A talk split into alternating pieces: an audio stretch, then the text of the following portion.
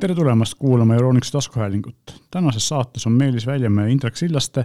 ja me räägime sellest, millest me tavaliselt jaanuari alguses ikka räägime, see on maailma suurimast tehnikasündmusest ehk siis tehnikamessist CES kaks tuhat kakskümmend kolm, mis äh, ametlikult varsti Las Vegases algab, aga praktiliselt tegelikult on juba alanud, sest et nagu tavaliselt enne selliseid suuri messe, siis äh, ajakirjanikele näidatakse tooteid ja uusi leiutisi juba varem. Ja nii ka seekord, et kui mess on kohe-kohe algamas, siis väga paljud äh, pressiteated on juba välja saadetud ja väga paljudel seadmetele on juba ajakirjanikud oma näpud külge saanud ja vaatamegi üle võib-olla sellised asjad, mis on siis äh, siiamaani näha olnud. Ja võib-olla järgmine nädal räägime sellest, mis vahepeal toimus, ehk siis nendest asjadest, mis on nagu esimesest lainest välja jäänud või mis lihtsalt kahe silma vahele on jäänud, sest et kindlasti jõuavad vahepeal äh, välja tulla ka igasugused ülevaated, arvamused ja, ja sellised pikemad analüüsid, eks ole, ja nendest me saame järgmine nädal rääkida. selle aasta CES-i esimestel päevade kaks suurt võtmesõna on tegelikult üllatuslikult äh, juhtmevaba, üldse siis jah, juhtmevaba laadimine, eks ole. Äh, telerid ja arvutid, mis võib-olla ei üllata kedagi, sest telerid ja arvutid on alati hästi suur teema olnud. esimene pommuudis tegelikult, mille peale, mida ei osanud oodata, on see, et kuulutati välja G2 juhtmevaba laadimise standard, et kui siiamaani enamus juhtmevabasid seadmeid, mida siin meie igapäevaselt kasutame, telefone ja kellasid ja muid selliseid asju, on kasutanud siis G standardit ja Apple on kasutanud oma uuemates telefonides, eks ole, siis sellist äh, siis on seda edasiareng nimega MagSafe, mis hoiab magnetitega seda laadimispooli paigal, eks ole. võtab lihtsalt kinni õige, õige koha peale kinni, sest äh, Apple'il on, äh, Apple'i omal ajal siis MagSafe'iga on see, et kui Apple'i telefon tegelikult toetab ju enamus niisugused, seda tuntud nii-öelda laadimisstandardit, ka QI-d aga siis äh, MagSafe ise laeb Apple'i endal äh, kiiremini, ehk siis kui ta muidu suvalist laadijat kasutab umbes kümne vatist, siis äh, MagSafe'iga kuni viis, viisteist vatti laadijat. nüüd ongi siis äh, juhtunud see, et organisatsioon, kes siis äh, seda juhtmevaba laadimisstandardit nüüd arendab, on saanud Apple'iga kokkuleppele ja Apple annab siis kasutada nüüd MagSafe'i Äh, know-how ja patendid, eks ole, et välja arvatud siis see, et väidetavalt ei tule siis see uus standard päris MagSafe'iga identne, vaid need magnetite asukohad ja sellised asjad on ikkagi nagu erinevad. Äh, ja nad ei olnud nõus või ei osanud öelda, kas see uus standard ühildub sada protsenti ka MagSafe'iga või mitte, aga igal juhul uuemad seadmed nii Apple'il kui Samsungil kui ka siis teistel tootjatel peaksid tulema siis selle G2-ga, mis ähm, samamoodi sarnaselt MagSafe'ile kasutab siis magnetit selleks, et hoida seda pooli nagu õige koha peal paigal, eks ole. ja, ja samas võiks olla ju Apple'il ka tegelikult endal ka müügihuvi, ta müüb ju endale seda ilusat laadijat, et ka suvalisele teisele firmale, et kui ta vaata nagu jääb nagu standardiväliseks, et ikkagi ei haaku sinna külge mm, -hmm. Siis võiks jälle see, et nagu sihuke noh, teistest natuke nagu sihuke erinev või eraldi olev asi, aga saaks ju oma, oma nii-öelda laadimistoodet ju ka müüa jälle. ja siin ongi nüüd kaks aga on selle kõige juures, et ähm, muidu oleks ju kogu jutt ilus, aga kaks probleemi on, esimene probleem on see, et need magnetite asukoht ja tugevus ei ole selle standardiga paika pandud. eks iga tootja võib teha oma, omamoodi mis tegelikult tähendab seda, et see ühilduvusega võib tekkida ikkagi probleeme ja teiseks, eks ole, see, et, et need kvaliteet võib nagu kõvasti erineda, et kui sa ostad nagu tuntud tootja Apple'i või Samsungi või kellegi laadija või ostad mingisuguse täiesti tundmatu Hiina tootja laadija, siis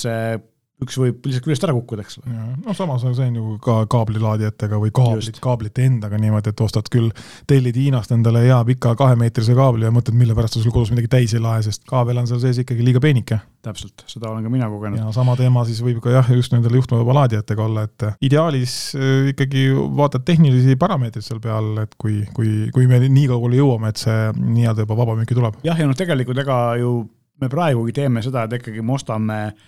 kui me ei osta siis selle telefonitootja originaallaadija, siis ma ostan vähemalt sellise firma või juhtme, mis on tuntud juba, eks ole, sa tead, Ankri või SBS-i või mingi sellise, mis on Hama, eks ole, mis on nagu tuntud suur tootja, kes on aastakümneid või aastaid vähemalt neid juhtmeid ja laadijaid teinud ja sa tead oodata, et seal on juba mingisugune kvaliteet välja kujunenud ja nad tavaliselt nagu sellist päris kehva asja ei tee, eks ole. loomulikult siis samamoodi viisteist vatti on see maksimaalne laadimiskiirus nagu seni, et see ei ole kiiremaks läinud. teine asi, mis on veel nagu selline potentsiaalselt probleemne, on see, et siis neid asju hakatakse sertifitseerima mis tähendab seda, et iga tootja võib tegelikult teha mingisuguse ikkagi oma ühilduvusasja ja selle eest raha küsida, mis võib jällegi sellisel ühilduvusel natukene võib-olla päitsed pähe panna, eks ole, aga aga samas, nagu sa ütlesid, kõigi huvi võiks olla ju see, et et see ühilduvus oleks nagu universaalsem, samamoodi nagu see uus Matter standard on, kus nutikoduseadme tootjad said kõik aru, et ei, see vist tekitab inimestes rohkem segadust kui kasu see, et, et igaüks on oma nagu suletud no,. eks see laadijate sein ongi selline, et kui isegi poes vaatad seda laadijate seina, seal on need noh, juhtme vabulaadijad on sul viis, seitse, kümme erinevat ja siis on see, et nüüd mine manööverda nende vahel, et leida see, see enda telefoni või enda tahvli või noh, kes mida nüüd Just. sellega laadi tahab, et selle jaoks see õige, et lihtne, lihtne oleks, et äh, lähed poodi, ütled juhtmevaba laadija, küsid ainult, et kas sa tahad valget värvi või musta värvi, halli värvi, kõik sobivad väga hea, võtad. pikali või püsti. jah, just pikali või püsti, nurga alla või lapiti või tagurpidi mm., täpselt, et need ära ja võtad ja lähed, olengi rohkem ei nuputa, mitte seda, et lähed koju ja mõtled, ah ikkagi ei sobi minu telefonile, sellel on üks asi ühes kohas ja teine on teises kohas ja see magnet siia ei sobi ja need on nagu siuksed, mis jah, nii-öelda frustreerivad natukene. teine huvitav asi, mis G2 standardiga on see, et nad lubavad, et nad siis hakkavad tegema ka mitte lameda pinnaga laadimispoole, ehk siis see, see uus standard võimaldab ka seda, mis tähendab seda, et me just rääkisime siin, et India tahab teha tele, kelladele oma uue laadimisstandardi, et, et siin võib seda arengut ka näha, et kui kelladel osadel on ju põhi on kumer, eks ole, siis, siis tegelikult kui kumera põhjaga asjad laevad selle peal paremini, praegu on vaata samamoodi, kui Samsungi kelladel on kellad on kumera põhjaga, siis neil on ka tegelikult see laadimise alus on natukene kumer, eks ole, et ta oleks, see pool oleks ilusti ja. küljes seal, et kui nad suudavad ka selle nagu standardiks teha ja, ja turule viia, siis tegelikult võib ka võib-olla Karmen ja teised nagu võtta selle juhtmevaba kellaelaadimisstandardega üle, kui see on piisavalt efektiivne ja piisavalt lihtne toota, kui standard on paigas, eks nad peab ise seal midagi väga arendama. et võib-olla me saame ka siin näha sellist ühtlustumist ja, ja vähem erinevaid juhtmeid kelladel, et oleks ju, oleks tore. noh, vähemalt välja on kuulutatud ja nüüd on ainult siis oodata, et kõik siis lõpuks saaksid enam-vähem niisuguse ühtse, ühtse ree peale, nii et, et saaks ühtemoodi seda asja kasutama no, ja tootma hakata. kuidas need asjad tavaliselt käivad, siis ma pakuks selline pool aastat kuni aasta Just. läheb aega sellega, et me esimesi seadmeid näeksime. aastake veel, jah. ja teine üsna huvitav selline juhtmevaba laadimise uudis on see, et äh, G-standardi suur konkurent, teine konkureeriv firma, kes, kes selle asjaga tegeleb, või siis mitte firma, aga firmade liit. Alliance. Alliance ja Airfuel, Airfuel Alliance tegi uue standardi Airfueli, mis on siis mõeldud mitte siis äh, nii nagu, kui G on selline, et sa pead ikkagi panema selle laadija ja siis laetava seadme põhimõtteliselt üksteise vastu, eks ole. külge või vastu, jah ja siis magnetid hoiavad teda kinni, nagu selle uue standardi puhul, siis nende mõte on ikkagi see, et päriselt nagu äh, nii-öelda kiir, kiirgusega või siis Juhka seda vaba. energiat täiesti nagu eemalseisvatele asjadele edastada, eks ole. et see oleks nagu tegelikult väga äge, aga noh, miks see, see, neid on üritatud teha, aga miks ta ongi seisnud, on kaks asja, et üks on see, et siis väga paljud ähm,, mitu erinevat tootjat või sellist äh, firmat kes üritasid seda arendada, nüüd on nad nagu nii-öelda leivalt ühte kappi pannud ja teinud sellise ühise asja, võib-olla hakkab seal siis asi arenema ja teine asi ongi see, et et seal on vaja nagu väga palju testimist, et see ei oleks nagu inimestele, loomadele ohtlik Just, ja, ja et seal need, kuna need ikkagi noh, elekter üle õhu liigub, siis Just. see on jah, selline potentsiaalselt ohtlik teema. raadiosagedus sõltub, mis sagedusel seda saadetakse ja noh, kaks koma neli gigahertsi nagu need karditi kogu aeg nagu mikronahi. oleks jah päris huvitav, sest seda on ju päris keeruline tegelikult testida, sest selliseid asju, kas ja kuidas ta tervisele võiks mõjuda, neid näeb ju neid näeb ju mingi aja jooksul. tegelikult eks neid on nähtud enne ka siiamaani on ju terve hunnik inimesi, kes arvavad, 5G on kahjulik, kuigi seda on ja. väga pikalt uuritud ja teinud kindlaks, et tegelikult ei ole ja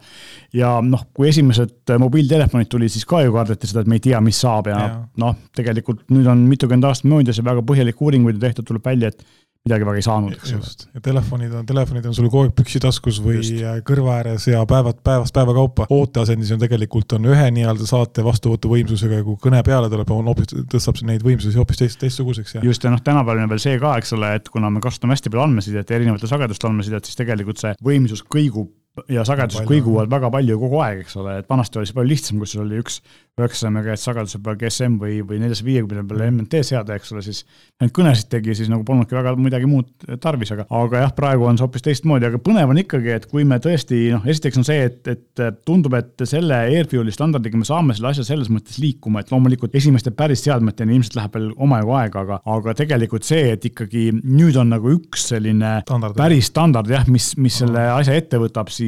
noh jällegi ma usun, et võib-olla järgmise aasta testis me juba, võib-olla äkki juba sügisel lihval, me näeme mingisuguseid seadmeid, mis seda kasutavad, eks ole, et selles mõttes on ikkagi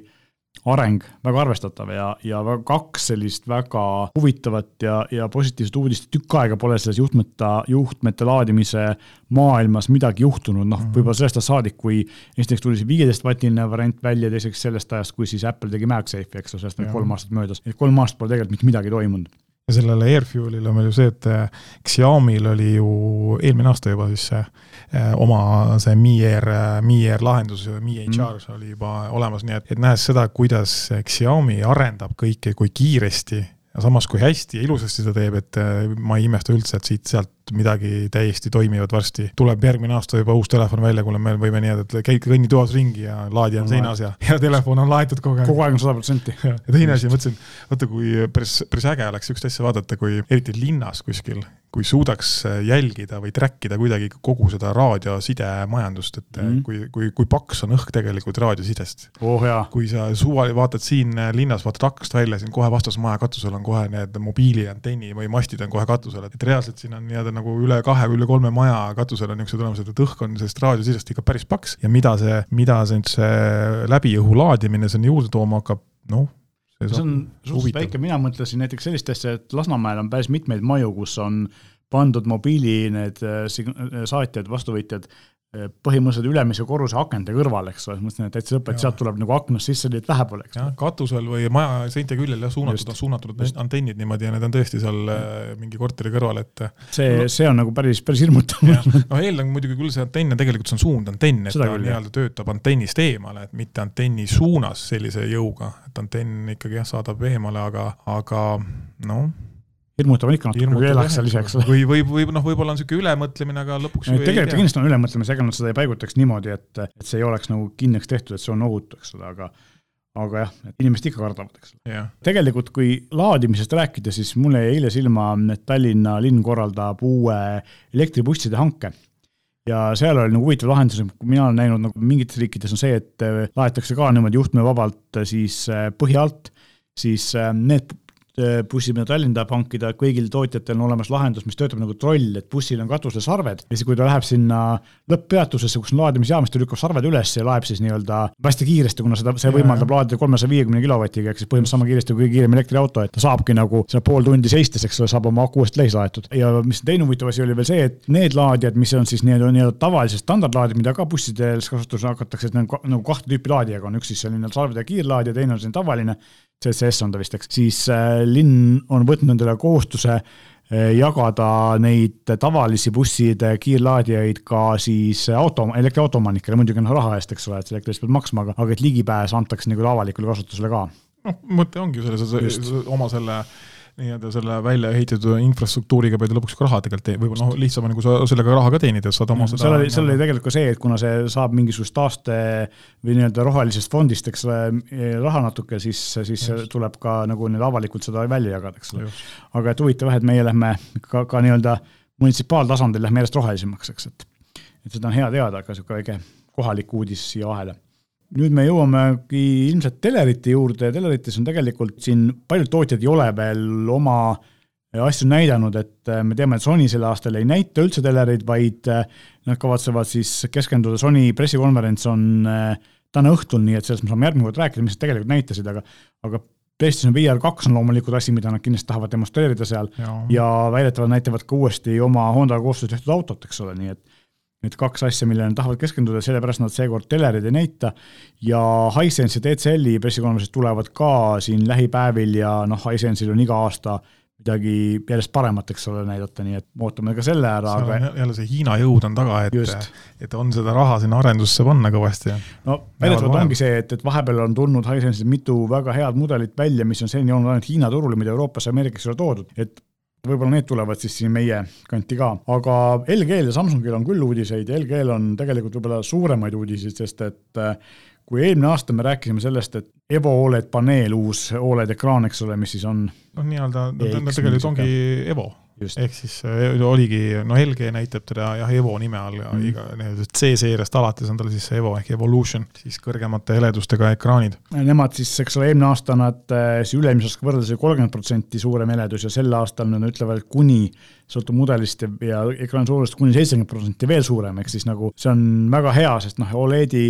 kõige negatiivsem osa ongi see, et ta, kui on väga ere päiksevalgus, siis ta jääb natukene, eks ole, eredus jääb lahjaks, eks ole, jah aga nüüd, kus ta seitsekümmend protsenti eredam on, siis ma arvan, et sellest peaks küll vist enam-vähem igaks asjaks piisama, eks. kuigi ma arvan isegi seda, et eh, noh, ma ise kasutan Oled, Oled ekraani juba kaks aastat vana, varasemat versiooni, millel tegelikult on ka niisugune, et ma tean, et mul on keeratud pildinäitajad väiksemaks ja madalamaks, ehk siis heledus on kõige madalamaks, et isegi sellel oli heledus piisavalt minu jaoks piisavalt hea.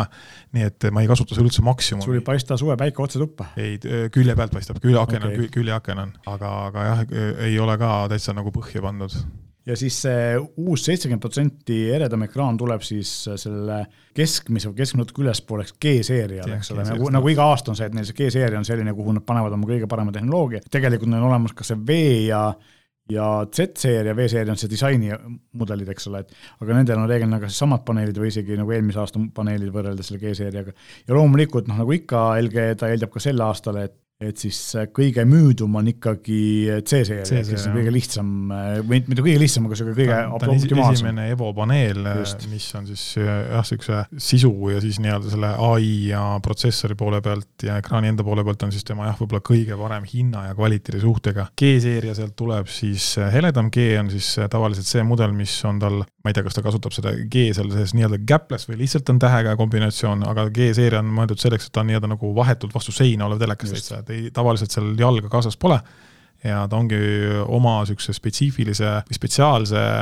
seinakinnitusega, mis on komplektis kaasas, millega saad panna ta täiesti vastu seina ära, nii et seal mitte mingit vahet sisse ei jää, juhtmete jaoks on spetsiaalsed sooned taga sees, mis tulevad siis taha keskele või tagant lähevad välja, keelseeriale siis noh, jala peab siis, kui soovi korral eraldi ostma, aga noh, siis võib-olla ei olegi nagu point, siis võtadki juba C-seeria, et G-seeria on selleks, et on seina peal niisugune kaks, kaks sentimeetrit äkki vist on kogu paksus, et ta on ole. visuaalis mega ilus äh, versioon on seegi ja tegelikult ju Oled mudeleid saaks teha põhimõtteliselt veel kõvasti õhemaks, aga seal ongi see, et see elektroonika osa ikkagi võtab nagu natuke ruumi. no tema Z ju tegelikult kaks aastat varasem Z oligi tal tegelikult ju see oligi ainult ju äh, magnetiga seinas seal olidki, kõlarid olidki nagu eraldi niisuguse nagu sound, tal oli nagu soundbar kaasas, et soundbar käis alla, kogu aju oli selle sees, aga telekas ise põhimõtteliselt said panna niisuguse õhukese metallraami kahepoolse teibiga seina ja telekas võttis ennast magnetiga sinna külge kinni ja sealt vahelt tuli välja niisugune õhuke lintkaabel, nii et tegelikult oli üliefektne telekas no,. nüüd, kui me saaksime selle juhtmevaba laadimise, juhtmevaba energiaedastuse nii kaugele, et me ei peaks ka voolujuhet panema sinna külge, eks ole, siis, sest noh, tegelikult me saaks sama asja teha põhimõtteliselt, kui see töötaks, et et sa paned selle nii-öelda aju või soundbar'i sisse, eks ole, kogu see elektroonika ja siis ainult see pildikontroller, mis tegelikult ei võta üldse ruumi ja, ja, ja juhtmevaba hoide, eks ole, ja, ja signaali edastus ja ongi kõik. signaali me oskame praegu juhtmevabalt edastada, hoida on ainuke probleem, eks. sest tänapäeva telekatel on ka, ongi õhukesed heli on selline noh, võib-olla niisugune kehvemapoolsem ta tavaliselt ja, ja väga paljud ostavadki endale ju soundbar'i eraldi juurde. mõte ongi nagu kaks ühes asi ja telekas ise on niisugune selline lihtsalt liimitud seina peale. väga lahe. A-seeria kaob ära mis oli nagu siin kõige odavam, ega ta vist väga edukas ka ei olnud, B-seeria oli ikkagi see, mis kõige nagu müüdi veel palju. jah, noh, A see, eks ta oligi kõige nii-öelda maha, rohkem maha tõmmatud ja. Äh, näitajatega ja ta oli ka viiekümne hertsise paneeliga tavaliselt, ehk siis mis võib-olla suuremal veel viiskümmend viis või kuuskümmend viis tolli telekal, noh, tegelikult võib-olla enam ei tohiks olla, et, kui sa tahad ikka niisugust ilusat sujuvat äh, pilti saada, siis, siis sajahertsine võiks tänapäeva ekraan valdavalt küll olla juba. Üks asi, mis veel muutub, on siis see, et tuleb uus tarkvara, VBOS kakskümmend kolm mis sarnaselt Samsungile on muutunud siis selliseks, et noh, nagu me teame, siis kõik need ähm, nutitelerite soft'id on läinud ikkagi üsna keeruliseks, on väga palju nagu omadusi ja asju ja lisasid ja nad on üritanud nagu teha see navigeerimise mugavamaks, tegelikult Samsung tegi ju eelmine aasta sama asja, et kui siin minul on veel üle-eelmise aasta mudel ja seal oli see konto ja need asjad olid seal nii-öelda sealsamas ühes alumises ribas, eks ole, nüüd on selle aasta mudelid on ta külje peale viidud, mis tegelikult teeb seda palju mugavamaks, on ju, sa ei pea ja. iga kord seda nägema, siis ähm, LG üritab sarnast asja teha, nad üritavad teha seda, et sa saaksid oma lemmiksisule kohe ligi ja sa ei peaks nagu seal menüüs palju ringi liikuma noh, LG-l muidugi on üks hea omadus, mis mulle meeldib, see on maitse-asi, aga on ikkagi see pult. kiirega pult, eks ole, see nii-öelda Magic Remote, mis siis äh, kursorit ekraani peal liigutab. alguses tundub kummaline, aga kui sa korra ära harjud, see on nii mugav, et nagu väga-väga-väga mõnus. teine asi, mis LG Telleritel juurde tuleb, noh, ma tahaks öelda paratamatult, on Mäderi tugi, eks ole, et siis ka LG Tellerid üritavad olla sinu nutikodukeskus, millega Samsung Just. nagu väga hästi hakkama saab, eks. Lähmegi siit sujuvalt üle Samsungi juurde, et kui LG-l on nagu enamus sellest ähm, asjast on Oled, siis äh, Samsungil on natukene Ole uudise, Oledi uudiseid ja, ja põhiline, mis seal on, on siis tegelikult see, et kui eelmine aasta tulid nad välja oma uue kuude Olediga, mis oli esimene Samsungi enda Oled paneel, eks ole, mida nad ise tootsid, siis sel aastal nad tulevad sellest teevad sellest seitsmekümne seitsme tollise variandi, natuke teevad samamoodi paremaks eredust, väidetavalt natukene musti paremaks, sest LG-l olid nad natukene väidetavalt paremad siiamaani, aga põhirõhu nad panevad ikkagi oma Neo QLED-ile ja siis 8K-le ja, ja muudele sellistele asjadele ja, ja põhiline asi, mis seal muutub, on tegelikult see, et tehakse hästi palju sellist tarkvaralist parandust, näiteks tavaline signaal tehakse siis automaatselt ja kunstlikult HDR-iks, eks mm -hmm. pannakse kontrasti ja eredust juurde, pilt tehakse paremaks mina ootan ikkagi seda, et, et kuigi need pildid on läinud nagu päris heaks, mida parem signaal on, seda parem on, aga, aga nüüd, kus me siin äh, näeme nagu sellist tehisintellekti võidukäiku, eks ole, siis mina tahaks näha seda, et see üleskaleerimine oleks sellise tehisintellekti toega, et nad suudaksid teha selle mingisuguse VHS-i pildi ka nagu tänapäevaseks, et seal me veel päris ei ole, et ma ükspäev proovisin ühte mingit väidetavalt eh, siis tehisintellektiga pilditöötlusäppi eh, Play Store'ist, millel olid päris head hinded ja mis siis väidetavalt tegi sinu vanad pildid nagu tänapäevasemaks, eks tõi sealt välja detaili ja, ja siis ma proovisin seda, mul oli üks vana pilt, mis oli skaneeritud äh, paberi pealt, eks foto, foto pealt. ja tuli välja, et ta nagu midagi tegi, aga ta tegi nagu niimoodi, et ta leidis üles näod ja siis ta nagu maalis need näod üle, tegi need nagu hästi kunstlikuks. ja ülejäänud nagu detaile ta üldse ei puudutanud. siis ma sain aru, et just, ja siis ma saingi aru, et tegelikult ähm, me ei ole seal veel. ja, ja see see hinne, mida see äpp äh, poe, seal äh, äpi poes sai, mina ütleks, et ta küll ei olnud seda hinnet väärt. noh, see ai puhul reaalselt ongi, ta peab ju kuidagi saama aru, mis asi see seal peal Just. on, et kuidas ta seda parandama hakkab, et ma arvan, see äpipoe ai tõenäoliselt, mille sa laed alla tasuta, väga keeruline on sel-. kusjuures see veel oli tasu, tasuline äpp ja teda tahtis saada mõttes kohe raha, et ta tahtis nagu tal mingi kolmepäevane, seitsmepäevane see prooviperiood, aga sa pidid kohe sellega nagu liituma, siis ma liitusin ära ja nii kui ma selle ära proovisin aru sain, siis ma kohe nagu katkestasin selle tellimuse, eks ole, sest muud varianti ei olnud. aga jah, et, et ei ole, ei olnud seda väärt, aga tellerite juurde tagasi tulles, siis noh, tegelikult ja teine asi, mida jätkuvalt Samsung üritab teha, on, eks ole, või noh, kõik nad üritavad teha, aga on 8K telerid, mis näitavad head pilti küll, aga mille hinnad on jätkuvalt sellised, et et äh, sellise hinna ja kvaliteedi suhtest äh, noh, võib-olla ei ole väga vajalik, aga see kaheksa K sisu ei ole, et kõik teevad seda kunstlikult paremaks ja vaadata, kui sa nagu ligidal oled, siis ta on väga muljetavaldav küll, eks ole. väga ilus on, aga kui palju ta praktiliselt kodus juurde annab, see on nagu juba natuke küsitav ja noh, mängida selle peal kaheksa K peal nagu telekas näeb päris palju vaeva, et sellest, et see nii-öelda üles skaleerida see signaal sealt 4K pealt, et kui 4K saad hästi kätte, siis tema peab ju seda veel neli korda veel kõrgemaks arutama. samal ei, ei tohiks sinna tulla mingisugust lag'i sisse, nii et sul noh, nii-öelda kuskil heliviide või audio või audio või siis pildiviide kuskile sisse jääb, eriti kui sa mängid veel näiteks, et ja siis ja, ja mingi aeg ju oli uudistes käis läbi see, et Euro-, Euroopa Liit tahab 8K telekad nii-öelda kas nüüd ära keelata või siis nii-öelda pausile panna sinnamaani, kui nende energia kuluenergiaklassiga midagi äh, teha saadakse või, või osatakse, et, et nad lihtsalt tarbivad äh, natuke rohkem kui. on huvitav teada, et need uued Samsungi kaheksa K mudelid, kas nad on siis äh, nüüd palju säästlikumad kaheksa kui eelmisel, sest noh, võib-olla natuke juba on, et no võib-olla on selle Euroopa Liidu standarditega või nii-öelda, mis ei ole veel tegelikult ju ametlikult vastu võetud, see on nagu ettepanek, et äkki nad on juba ühilduvad, eks. aga jah, et, et selles mõttes on, on seal veel minna küll ja te,, ja tegelikult üks asi, mida mina ootan jätkuvalt ja mida me, mis läheb iga aasta järjest lähemale nagu päriselt kohale jõudmisele, aga mida siiamaani veel ei ole, on siis või noh, nagu mis ei ole kättesaadav, on mikroLED ekraan, eks ole, meil on ka vist üks mikroLED äh, mudel müügis, aga sada viiskümmend tuhat. just ehk siis odavam oli ka, sada kolmkümmend tuhat oli ka. okay,, no ühesõnaga, et äh, see ei ole, see maksab rohkem kui, on selle raha eest auto ja korteri, eks ole. ehk siis ähm, tegelikult äh, päris realistlik sellist telerit nagu osta ei ole, eks ole. ja, ja jätkuvalt nagu ja see siiamaani on ka see, et see on päris keeruline, kui ta käib siis paneelidest kokku, see on päris keeruline kokku panna, eks ole, ja nüüd sel aastal näitasid siis seitsmekümne kuue tollist mikroLED CX-i, mis on maailma väiksem ja kõige soodsam mikroLED ekraan Samsungi väitel, aga noh, see sood on ikkagi päris, päris korraliku hinnaga, eks ole. aga noh, nad vaikselt nagu liiguvad allapoole, liiguvad allapoole, et see mikroLED ekraan on näidanud nüüd, see on vist kolmas aasta, eks ole, ja noh, nagu me näeme, siis tegelikult äh, alguses ei olnud ju meil ka neid ja nüüd on nad meil müügil selle hinna eest, nagu nad maksavad. aga kui nad jõuavad nagu lõpuks, ma arvan, et see võtab ikkagi veel mitu aastat, aga ühel hetkel nad nagunii jõuavad sinna, et see ekraan maksab sama palju kui korralik äh, Oled, eks ole, ja siis ja. me võime rääkida sellest, et, et see on nagu oma nii-öelda liidab siis tavaliste LED-i, Oledi parimaid omadusi, eks, ideaalne kontrast, ideaalne eredus ja kõik muu, aga noh lootust on, et me seda ikkagi näeme, aga mõned aastad tõenäoliselt läheb veel aega, et see hinnaklass jõuaks äh, päriselt nagu sellisele ja. inimestele ostetatavale tasemele, eks ole. järgmine aasta veel tõenäoliselt. järgmine aasta veel tõenäoliselt mitte, jah ja.. aga noh, tegelikult ka see tehnoloogia areneb aktiivselt, sest et Samsung on praegu ma arvan, et äkki ainus, kes nagu teeb neid nagu päris teleritena ja müüb neid, aga me teame seda, et mikroLED tehnoloogiasse investeerib ka Apple väga aktiivselt ja ilmselt nad üritavad seda viia siis nii-öelda oma arvutite ja ja kelladesse nagu väidetavalt esimesena, võib-olla mitte niivõrd, niivõrd telefonidesse, aga et Apple Watch väidetavalt on esimene asi, mis endale mikroLED ekraani saab. nii et, et siin jällegi samamoodi nagu nagu äh, Samsung versus LG ekraanidega, et äh, LG tegi Oledi, eks ole, suurte telerite jaoks ja Samsung tegi aastaid ainult telefonide ja väikeste ekraanide jaoks, läks sealt suuremaks, LG läks vastupidi alla väiksemaks tagasi. siis siin on samamoodi, et Samsung teeb mikroledi suurtele telekatele ja Apple hakkab tegema mikroledi võib-olla esialgu kelladele, kõige väiksematele ekraanidele, eks ole, et, et ühtepidi ja teistpidi ja lõpuks nad jõuavad sinna keskele kokku. kas Apple tahab minna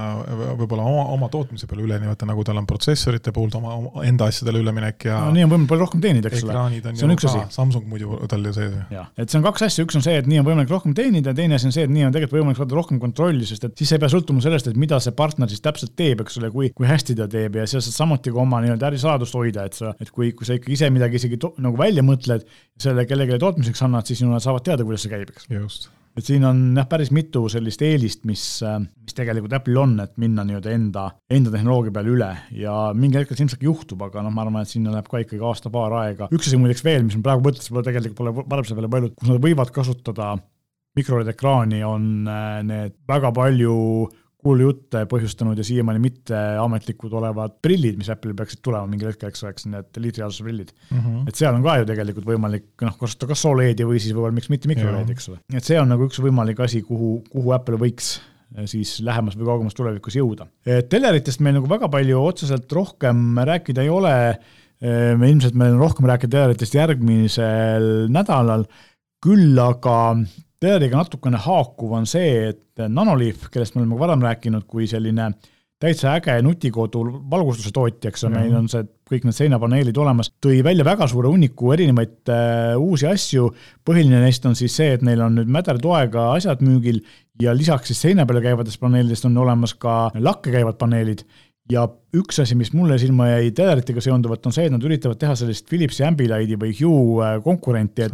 aga, aga nad teevad seda kummaliselt, et nad panevad siis teleri peale kaamera, mis jälgib, mis ekraani peal toimub ja siis teeb lambid samasuguse äh, valguse, samasuguse tooniga, eks ole mm. -hmm. et ähm, mis on nagu natukene, sa tahaks nagu oma silmaga näha, sest et mulle tundub, et ta võib jääda nagu mõttes jalgu, et see mingisugune, mingi töötlusaeg ju läheb, eks ole. viide on seal sees, et seal veel sõltub sul veel kaablist, aga see mingi protsess seal sees on tõesti ju nii-öelda, mida see kaamera jälgib, ütleb, kuskil peab olema, selleks ajaks on ju efekt ekraanil juba muutunud. et ei Just. tea, kus või kui, kui äge see, noh, sinnamaani, kui pole näinud, ei tea, ei oska nagu midagi arvata, pärast on mingi üliäge ja töötabki väga-väga kiiresti, on ju, aga aga sinnamaani noh, natuke skeptiliseks ikkagi ju jääd just, Philipsil on olemas sarnane asi, see Hue, mul ei tule see nimi praegu meelde, aga on, temal käib see asi niimoodi, et eh, ta on see karp, mis ühendatakse HDMI-sse HDMI-sse tuleb ju signaal sisse ja siis on tegelikult veel vahe vahel, kuni see pilt jõuab ekraanile, seda töödeldakse, samal ajal jõuab see karp töödelda sedasama signaali, eks ole, nad jõuavad korraga põhimõtteliselt, aga kaamera peab selle olemasoleva pildi võtma ja siis seda hakkama töötlema, ehk siis tegelikult see, see lääg või mingisugune viivitus peaks sinna sisse jääma. teoreetiliselt peaks olema ehk siis tahaks näha, kui hästi on Nanolift seda suudab teha, aga vähemalt on äh, teistsugune lahendus, ainuke probleem on selles, et jah, et kuskile pead selle kaabel riputama, eks ole, et ta võib-olla ei ole nii ilus, et selle HDMI karbi saad sa ära peita. jah, sa pead kaablid vedama sinna, siis kust ta selle toite selle saab ja Just. idee on võib-olla noh no., ütleme, võib-olla idee on hea, aga no vaata, ma arvan, et, et siin aitaks võib-olla kaasa see, kui ta tõesti oleks nagu hästi hea hinnaga, okei okay,, nad ütlevad siin, et see on äh, jah, üheksakümmend üheksa, üheksakümmend üheksa, mis tähendab tegelikult seda, et kui see Philips Hue karp maksab minu arust mingi üle kahesaja. no see on ainult, see on ainult karp, see pluss lambid, pluss lambid maksavad sama palju juurde, et Philipsi endal jah, see Hue'i või siis Ambilighti kit, mille saab panna põhimõtteliselt ükskõik mis telerile, siis noh, sul küll need LED-i ribad on siis viiskümmend viis, kuuskümmend viis ja seitsekümmend viis tolli, aga noh, venitada sa küll ei saa, aga ümber teleka saad panna ka väiksemale selle ja see komplekt ise maksab jah, ikka üle viiesaja euri. no see on ikka väga kallis. soodsam on Philips telerust neljakümne kolme tolline telekas on odavam, Ambilightiga telekas on odavam. just, aga no vähemalt on nad, noh midagi põnevat on Nanolife end teinud, ühesõnaga, et midagi teistsugust ja midagi sellist, mida teised väga, väga turule toonud ei ole, eks ole. ja teine asi, mis on siis, äh, mis on väga nagu CES-il lisaks teleritele väga palju iga aasta nagu uut ja põnevat toonud kõik arvutiga seonduv, eriti sülearvutiga seonduv ja, ja esimene asi, mis siin nagu väga suur on, on see, et Intel tutvustas siis oma kolmeteistkümnenda põlvkonna sülearvutikiipe, ehk siis kolmeteistkümnenda põlvkonna lauaarvutikiibid on juba jupp aega olemas olnud, aga nüüd on siis nad saanud selle tehnoloogiaga piisavalt nii-öelda vähe voolu võtvaks, et nad ja. sobivad ka sülearvutitele ja noh, loomulikult seal on kõige kangem on kahekümne nelja tuumaline ja kolmkümmend kaks erinevat mudelit ikka võtab nagu silmest kirjuks selle. ja noh, loomulikult igasugused erinevad äh, väga võimsad mudelid ja DDR5 ja DDR4 tugi mõlemad, eks ole, PCI Express viis. Loomulikult ja ka siin voolutarve, eks ole, kõige kangem HX-seeria võtab viiskümmend viis vatti, äh, mis on ikkagi puhtalt mängude arvuti teema, eks ole, ja see uus seeria kõige lihtsam võtab viisteist vatti, mis on niisugune tavaline arvuti voolutarve no,. niisugune jah, light, niisugune kerge, niisugune Neid arvuteid, mida meie kasutame, eks ole, siin näiteks Lenovo Airglass arvutis, need tavaliselt kasutavad seda viieteist vatist varianti või, või siis seda keskmist varianti. aga jah, neid on väga palju ja loomulikult kohe-kohe tuli välja ka terve hunnik uusi arvuteid, mis hakkavad ka neid kiipe kasutama ja, ja igasuguseid teisi samamoodi. ja paljud äh, uued mudelid tulevad siis võrdselt, aga kõrvuti välja nii Inteli kui AMD kiipidega ja, ja tavaliselt niimoodi Inteli omad natuke varem ja AMD omad siis väidetavalt siin kuskil äh, suvel mis võib tähendada seda, et AMD-l on ka midagi uut tulemas, kui tootjad praegu ütlevad, et AMD tuleb, aga suvel, siis äh, midagi nad ootavad, eks ole. no ootavad Intel järjest ja teevad veel vihasema versiooni. just teevad veel parema. no nii see tavaliselt käib, eks, või päris, päris tihti käib. aga jah, et arvutitega on niimoodi, et kõige suurema vist sellise uuendused on teinud tegelikult Acer, kellel on olnud sellised suhteliselt igavad disainid päris pikalt ja nüüd on neil nagu päris palju selliseid äh, just nagu selles äh, lihtsamas äh, Aspire ja, ja nendest seeriatest siis ühesõnaga on, on hästi palju erinevaid ähm, või selliseid uuendatud disainiga mudeleid, mis on läinud õhemaks, mis on läinud nagu efektsemaks, näevad nagu võib-olla asusele veits sarnasemad välja, eks ole, et nad on nagu rohkem premium või siuksed ägedamad. no eks nad saavad aru, et tegelikult inimene ostab tänapäeval ikkagi juba välimust täitsa, et ta peab ka olema sihuke ilus ja ka efektne, noh, on muidugi jah, inimesi, kes tahab lihtsalt, et noh, mul oleks vaja arvutit, aga teine, kellel juba see arvuti on olemas ja tema tahaks lihtsalt midagi osta, siis ta tuleb, vaatab, et see oleks lihtsalt sihuke hästi ägeda välimusega ka, et see, see on sihuke, miks seda tegelikult noh, disainimist ei tohi kunagi ju kahe silma vahele jätta või noh, nii-öelda käega sellele lüüa, et ta peab olema ka ikka sihuke nagu noh, nagu tõesti sihuke vau, vau-efektiga just, ja teine arvuti, mis on päriselt ka vau-efektiga, või tegelikult kaks erinevat asja on, üks on LG Gram, mis on alati, LG on alati olnud väga ilusaid, ägedaid ja kitsaid õhukesi sülearvuteid, aga kahjuks Eestis ei müüda, üldse Euroopas vist eriti ei müüda.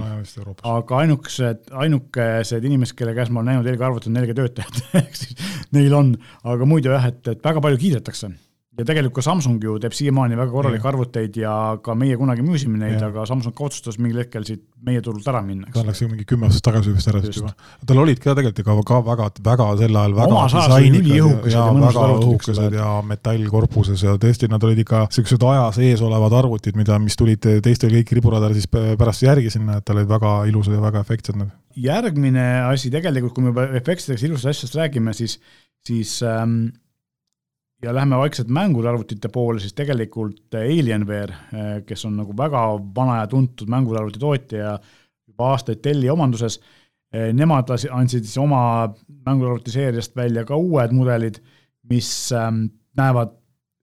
eriti ägedad välja, niisugused noh, Alienware on tegelikult kogu aeg äge välja näinud, mhm. aga sel aastal on neil nüüd, eh, nad on nagu ikka,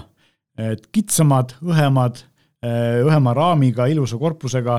väga efektsed näevad välja ja loomulikult sisu on äh, nagu neil ikka selline needsamad kõige uuemad Inteli protsessorid, kõige uuemad Nvidia graafikakiibid, eks ole, kõik see on, sisu on äh, fantastiline, et et selles mõttes on ähm, ka Alienware seal täiesti nagu teinud nagu sellise uue, uue disaini lahenduse, mis on väga-väga äge. Dellil on uus 6K äh, kolmekümne kahe tolline monitor, mis äh, pakub siis konkurentsi Apple'i Pro Display'le noh, tagune aeg. ehk siis tegelikult noh, LG on seal teinud üht-teist, aga, aga noh, Dell on ikkagi teine suur monit-, monitoritootja, kellel võiks olla üks asi, mis on sel aastal CES-il plahvatuslikult kasvanud, igal endast lugupidaval monitoritootjal on vähemalt üks, aga võib-olla mitu Oled monitori, et äh, kui vanasti olid enamus monitorid ikkagi LCD-d, eks ole, siis äh, IFA-l ma nägin Samsungi Oled monitori, mis nägi fantastiline välja, et huvitav oli vaadata, et sa läksid monitori stendi poole juba eemalt, nägid, et üks on palju sadavam kui teised. teistsugune kohe näeb välja. ja see nägi kaugelt välja, et ta midagi teistsugust, pilt on palju parem, eks ole, ja noh, loomulikult see oli Oled, eks. telerite riiulis on täpselt sama, kui sa võtad, võtad võtad terve LCD telerite riiuli või, või noh, või sa võid ka sinna minileedi kõrvale panna ja siis paned sinna vahele, paned ühe Oled ja eemalt tulles juba näed ära, et eks telekas näebki teistsugune välja. täpselt. teine asi, eks ole, mis siis on äh, Alienware'ist veel rääkida, siis äh, esimene päriselt viiesaja hertsine monitor, noh, kas see tegelikult vaja on, see on omaette küsimus, aga nüüd on meil viiesaja hertsine monitor olemas. ehk siis äh, noh, jah uskumatu. keegi meist ei näe sellist suurt ärkatuskiirust, aga vähemalt on teada, et meil on viiesaja hertsine monitor. ja kui me räägime sülearvutiekraanidest, siis tegelikult äh, paljudel Aceril, vist ka Alienware'il, kui mu mälu mind ei peta, ja Asusel on ähm, mini-LED ekraanid, ehk siis äh, Oledil lisaks on siis tehtud nüüd selline vahepealne aste, samamoodi nagu teleritel, eks ole, et kui Oled on kõige kallim, kõige ägedam, siis mini-LED on selle vahepeal, kus on siis nii-öelda kontrasti ja eredust parandatud samuti ka siis äh, seda värvide ühtlust, eks ole, või siis seda, kuna minileedil on hästi palju neid pisikesi leede, mis valgustavad tagant. Aceri Predator Heliosel, mis on siiamaani ka meil üks populaarsemaid mänguarvuteid, eks ole, on ja. nüüd kahesaja viiekümne hertsine minileed ekraan ja sada protsenti DCI-P kolm äh, värvigamma, mis äh, paljudele ei ütle midagi, aga kui sa tegeled fototöötlusega, siis tead, mida see tähendab Just. ja see on väga oluline, eks ole. nii et, et väga õiged värvid ühesõnaga on selle asja point siis. noh, ongi, ma arvan, ma arvan, et värv oleks või kontrastsus on see, noh, kontrastsuses värv on isegi võib-olla noh, enamus oli ikkagi olulisemad kui need kas viissada hertsi või, või kolmsada hertsi, mida noh, ma ei tea, kas inimsilm üldse suudab reaalselt vahet teha, kas on kolmsada hertsi, vist ei suuda, et üle kahesaja, üle kahesaja hertsi läheb juba seal päris keeruliseks või või, või oli, või isegi madalam, ma, ma kuskilt, ma mäletan kakssada või kakssada kakskümmend hertsi ja kuskil ma mäletan sada kakskümmend hertsi. et sealt edasi juba pidi minema väga-väga keeruliseks. aga noh, kuna on, on, on inimesi, kes on väga-väga hea kõrvaga kindlasti on inimesi, kes on väga-väga hea silmaga, nii et äh, siinkohas selleks neid, äh, tõenäoliselt neid erinevaid valikuid noh, nii, nii äh, selles ka hertsiliselt nii suures vahemikus tehakse, et noh, kes ütleb, et tema näeb vahet, teab, et ta näeb vahet, siis tema kasutabki seda viiesaja hertsist monitori. just, sellised on monitorid ja arvutite uudised, kindlasti me saame neid ka siin veel lähipäevil rohkem ja järgmine nädal võib-olla jagada selliseid äh, täpsemaid andmeid, et mis siis tegelikult juhtus äh, selles arvutites, sest see on nii palju, need arvutite infot on CES-il tulnud nii palju ja neil vähimat ka kahtlust tuleb kindlasti päris palju veel. nii et äh, saame natuke seedida, teha mingid kokkuvõtted ja siis neid nagu võib-olla veidi struktureeritumalt siin teile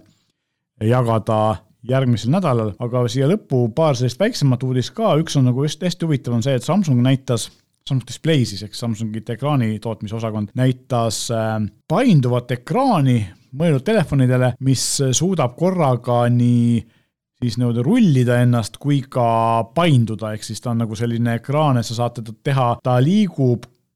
kümne koma viie tollisest neli kolm kuvasuhtega ekraanis, kaheteist koma nelja tollisest kuusteist kümne kuvasuhtega, ehk siis sellisest ruudust laiaks, eks ole, põhimõtteliselt. ja samal ajal on ta võimalik voltida, ehk siis saad ta panna, noh, ma ütleks, on suhteliselt ideaalne tahvliekraan, et kui sul praegu on nagu näiteks Galaxy Foldil telefonidel on minu arust kogu aeg olnud see probleem, et arvestades, kui palju ta maksab, siis ta on kokku panduna on okei okay, suur telefon, kui sa ta lahti teed, siis see ekraan, mis seal sees on, ei ole nagu piisavalt suur, et ei ole nagu piisavalt tahvlilik minu arust, et ta võiks veel suurem olla. aga selle ekraaniga tegelikult saaks teha ta veel suuremaks. kuna ta on nii prototüüp, siis ma olen päris kindel, et sel aastal me seda kindlasti veel telefonis ei näe. aga äkki järgmine aasta või ülejärgmine aasta me juba näeme ja noh, ka LG Display üritab sarnaseid asju teha, Hiina tootja Poe, miks kes teeb näiteks Huawei ekraane, üritab sarnaseid asju teha, nii et, et see painduvate ekraanide maailm on tegelikult nagu väga-väga äge, ja mm, täitsa huvitav on näha, mis siis mis siis nagu veel sel aastal selles maailmas tuleb, sest noh, Samsungil kindlasti sügisel tuleb midagi uut ja kindlasti tuleb siin äh, ka konkurentidel igasuguseid volitavaid asju, nii et äh, põnev aasta saab ka selle koha pealt olema.